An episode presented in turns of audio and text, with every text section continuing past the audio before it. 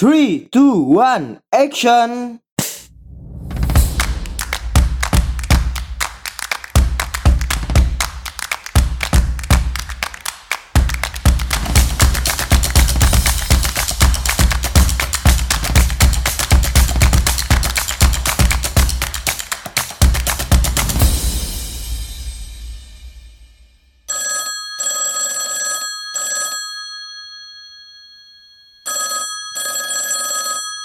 Halo, selamat datang di Pod by MA, tentunya di Anak Komunikasi. Ya. Oke, para pendengar Pod by MA, pada pertemuan kali ini teman-teman masih dalam keadaan kuliah online atau di rumah. Nah, bagi pendengar, seperti pertemuan sebelumnya, saya perlu menjelaskan bahwa keadaan momentum saat ini, masyarakat, bahkan beberapa perguruan tinggi disarankan untuk melakukan kuliah online karena adanya COVID-19 atau sering kita kenal dengan coronavirus. Nah, para pendengar Podwa MA, kita akan melanjutkan lagi tentang penjelasan SWOT, namun kali ini kita akan mengawinkan strength, weakness, dikawinkan dengan opportunity dan threat, seperti itu. Nah, yang pertama, kita sebelum mengawinkan, kita perlu membuat sebuah sampel SWOT yang akan kita analisis. Yang pertama, kita menjelaskan tentang SWOT. Contohnya, kita berada dalam sebuah instansi Fakultas Ilmu Komunikasi Universitas Teknologi Sumbawa. Ya, di strength-nya, kekuatannya, dosen-dosennya, mahasiswanya tidak hanya jago riset saja, namun juga mereka praktiknya terkait media, fotografi, dan lain-lain juga sering dilakukan. Bahkan mereka sering sekali menjuarai perlombaan tingkat lokal, nasional, bahkan internasional. Ini contohnya. Nah, sekali lagi saya ingatkan, strength ini adalah hal-hal positif yang berhubungan dengan di dalamnya atau internal instansi tersebut. Yang selanjutnya ada weakness. Nah, di weakness ini kita akan membahas masalah kekurangan-kekurangannya sama seperti pertemuan minggu lalu kita jelaskan, tetapi ini berhubungan dengan internalnya. Jadi kekurangannya itu berhubungan dengan internalnya. Contoh misalkan ya, dosen-dosen di ilmu komunikasi itu banyak sekali yang memiliki jabatan di luar sebagai dosen. Ada yang menjadi rektor, ada yang menjadi pengurus partai, ada yang misalkan bekerja di instansi-instansi yang lain. Curhat ya. Jadi uh, ini menjadi kekurangan sehingga tugas, kemudian mata kuliah sering telat, sering jarang masuk ya. Sekali ini contoh ya. Kemudian opportunity, peluangnya. Melihat saat ini peluang pekerjaan yang ada di seluruh masyarakat Indonesia, salah satunya yang banyak adalah ilmu komunikasi. Di mana kita ketika menonton televisi, ketika kita mendengarkan radio, ketika kita mengoperasikan misalkan sebuah internet, kemudian ada beberapa konten-konten di dalamnya, kadangkala orang-orang atau kreatif editor di belakang itu adalah anak-anak komunikasi contohnya. Nah, sehingga peluang ketika nanti masuk di jurusan ilmu komunikasi, mereka langsung bisa mendapatkan pekerjaan yang bagus atau yang layak. Nah, yang terakhir adalah threat atau ancaman. Contoh misalkan, selain Fakultas Ilmu Komunikasi, ada juga jurusan atau fakultas yang juga banyak peminatnya. Misalkan bioteknologi di UTS. Nah, ini menjadi salah satu jurusan yang sering sekali bukan hanya go nasional bahkan go internasional. Sehingga ini menjadi ancaman bagi Fakultas Ilmu Komunikasi ketika nanti ingin menarik perhatian calon mahasiswa. Oke, selanjutnya ini di materi yang paling inti pada pertemuan kali ini, yaitu mengawinkan antara strength dengan opportunity, strength dengan threat, kemudian weakness dengan opportunity, dan weakness dengan threat. Jadi kedua itu dikawinkan ya.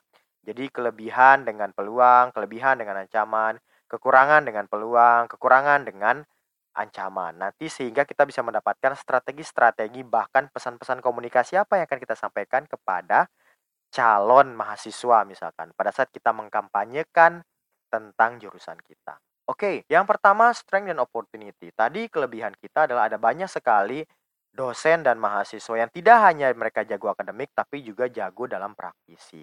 Nah, melihat peluang sekarang ada banyak sekali anak-anak muda yang tertarik dengan kerjaan media, maka pilihan Fakultas Ilmu Komunikasi menjadi salah satu fakultas yang sangat bagus ketika nanti lulus bekerja. Nah, kemudian kelebihan dengan ancaman, contohnya misalkan ada banyak sekali dosen yang melakukan penelitian dan praktisi seperti itu.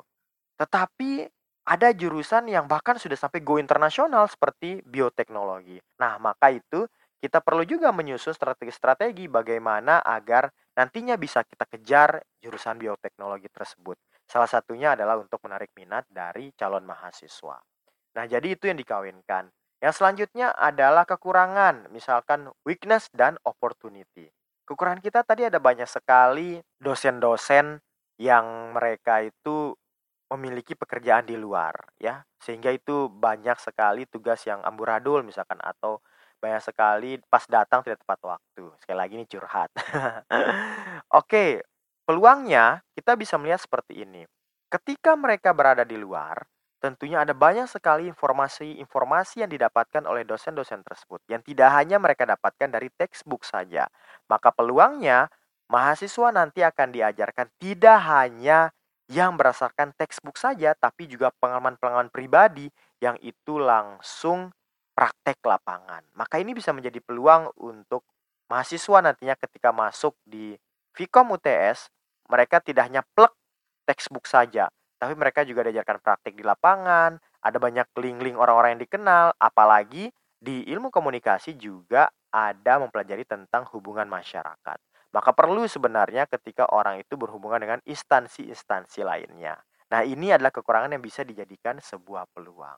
Nah, yang selanjutnya adalah kekurangan dan ancaman. Kekurangan kita ada banyak sekali dosen-dosen yang jarang masuk, jarang memberikan tugas, telat masuk. Ya karena alasannya dosen itu banyak aktif di luar. Nah, ancamannya adalah ketika salah satu fakultas di UTS itu lebih unggul misalkan dari hasil riset. Nah, ini bisa dijadikan bahan analisis juga. Ketika misalkan nanti banyak dosen-dosen itu yang ada di luar, maka sebaiknya mereka juga banyak memanfaatkan link-link di luar. Nah, itu bisa dimanfaatkan menjadi bahan riset, bisa dijadikan bahan pengabdian masyarakat.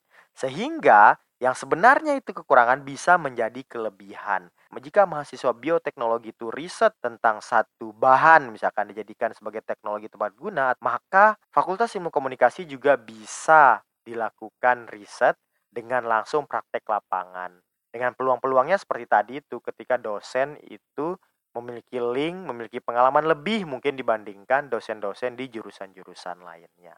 Nah, di sinilah kita bisa menyusun target audiens kita atau kira-kira nanti yang akan kita kampanyekan tuh siapa-siapa saja.